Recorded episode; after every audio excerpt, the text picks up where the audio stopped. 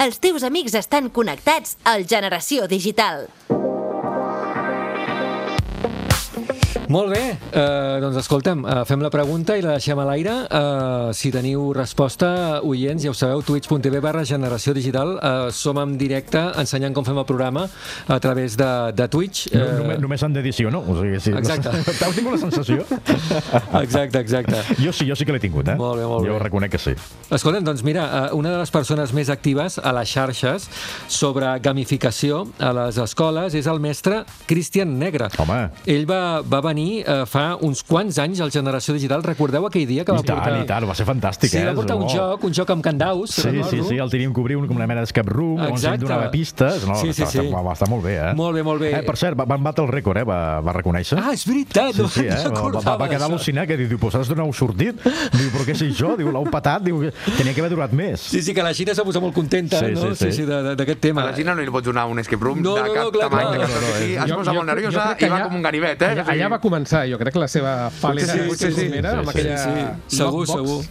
A més, ell també fa xerrades d'àudio per Twitter eh, que podreu trobar a la seva pàgina que és applejux.org.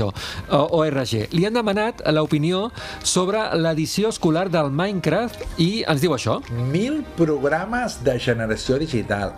Increïble. Moltes felicitats, gent. Probablement, després de tants programes, sabreu que el 2014 Microsoft compra de Mojang un dels jocs més populars de tota la història, Minecraft. El que poder no sabeu és que, a partir d'aquell moment, comença a treballar en la seva versió educativa, que publica per primera vegada el 2016.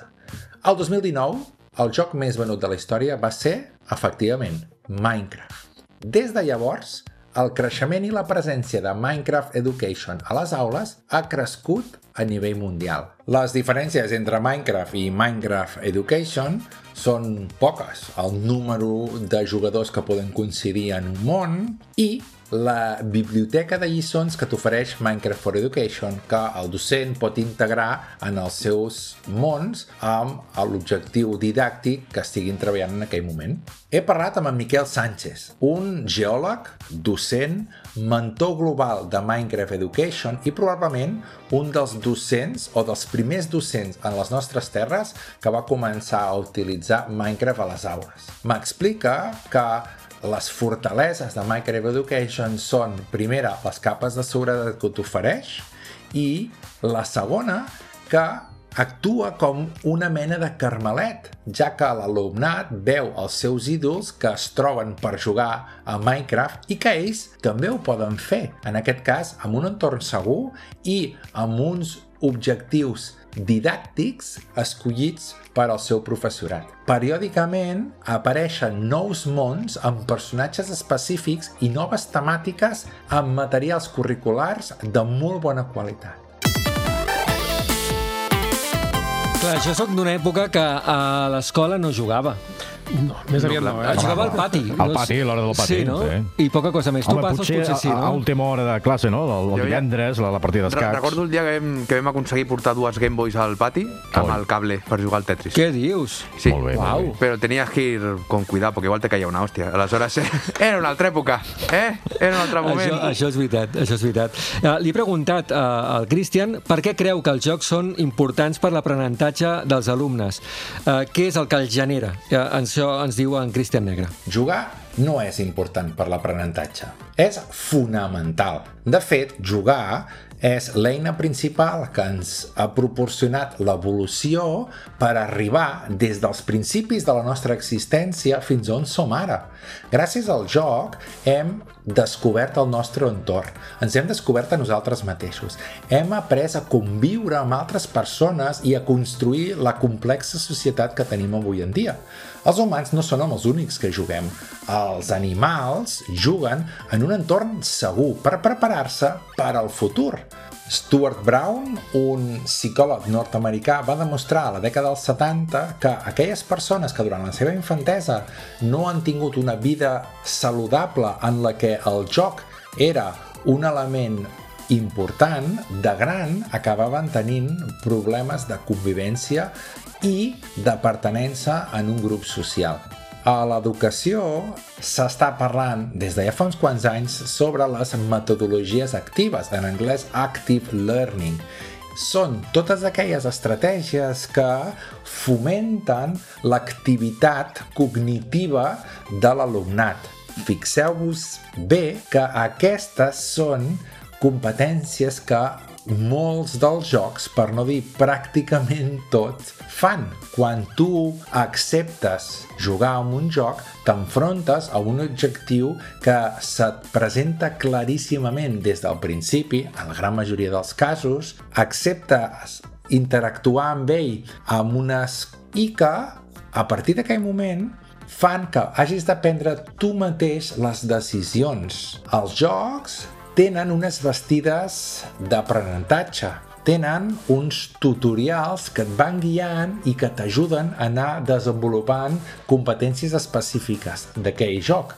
I això és el que moltes vegades ens agradaria poder fer en educació quan estem intentant transmetre, ensenyar algun contingut específic, alguna competència al nostre alumnat. Com es nota que el Cristian Negre és professor i parla d'aquesta forma als seus alumnes. Sí, sí, sí que...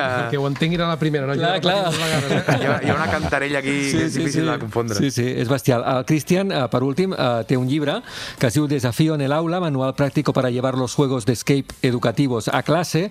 Recopila un munt de jocs per diferents etapes educatives de molts profes. Ell sempre diu, i si el seguiu a Twitter, que moltes vegades que tothom es queixa del tema doncs, de com està l'escola, eh, etc etc i sempre diu que hi ha profes que estan fent doncs, meravelles mm. i en, que- en la qüestió de, de la gamificació eh, a l'aula sembla ser que hi ha molta gent que fa coses molt, molt, eh, vull dir, molt interessants.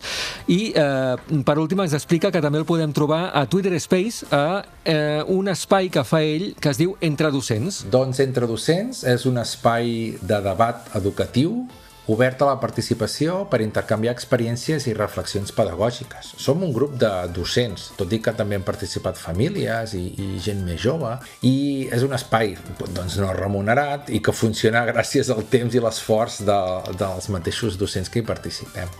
Utilitzem Twitter Spaces, que és una eina que ens permet doncs, connectar-nos en temps real i fer una mena de videoconferència, però només és d'àudio. És a dir, que seria com una mena de ràdio perquè s'emet, et permet que es gravi, però eh, hi, pots, hi pots sol·licitar la paraula i pots intervenir.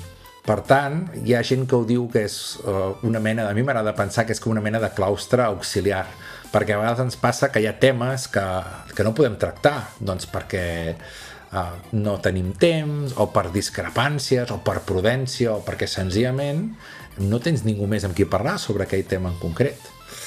I entre docents es nodreix de les propostes que recollim i tenim un petit sistema que el que fem és votar periòdicament de què es tractarà les properes sessions i utilitzem doncs, a Twitter aquesta etiqueta doncs, per recollir temàtiques i per organitzar les properes sessions. Són sessions de treball que ara darrerament els estem enregistrant, com al principi doncs, vam decidir que no les enregistràvem i això ho fem cada dilluns al vespre de dos quarts de 10 a dos quarts d'11 a Twitter Spaces.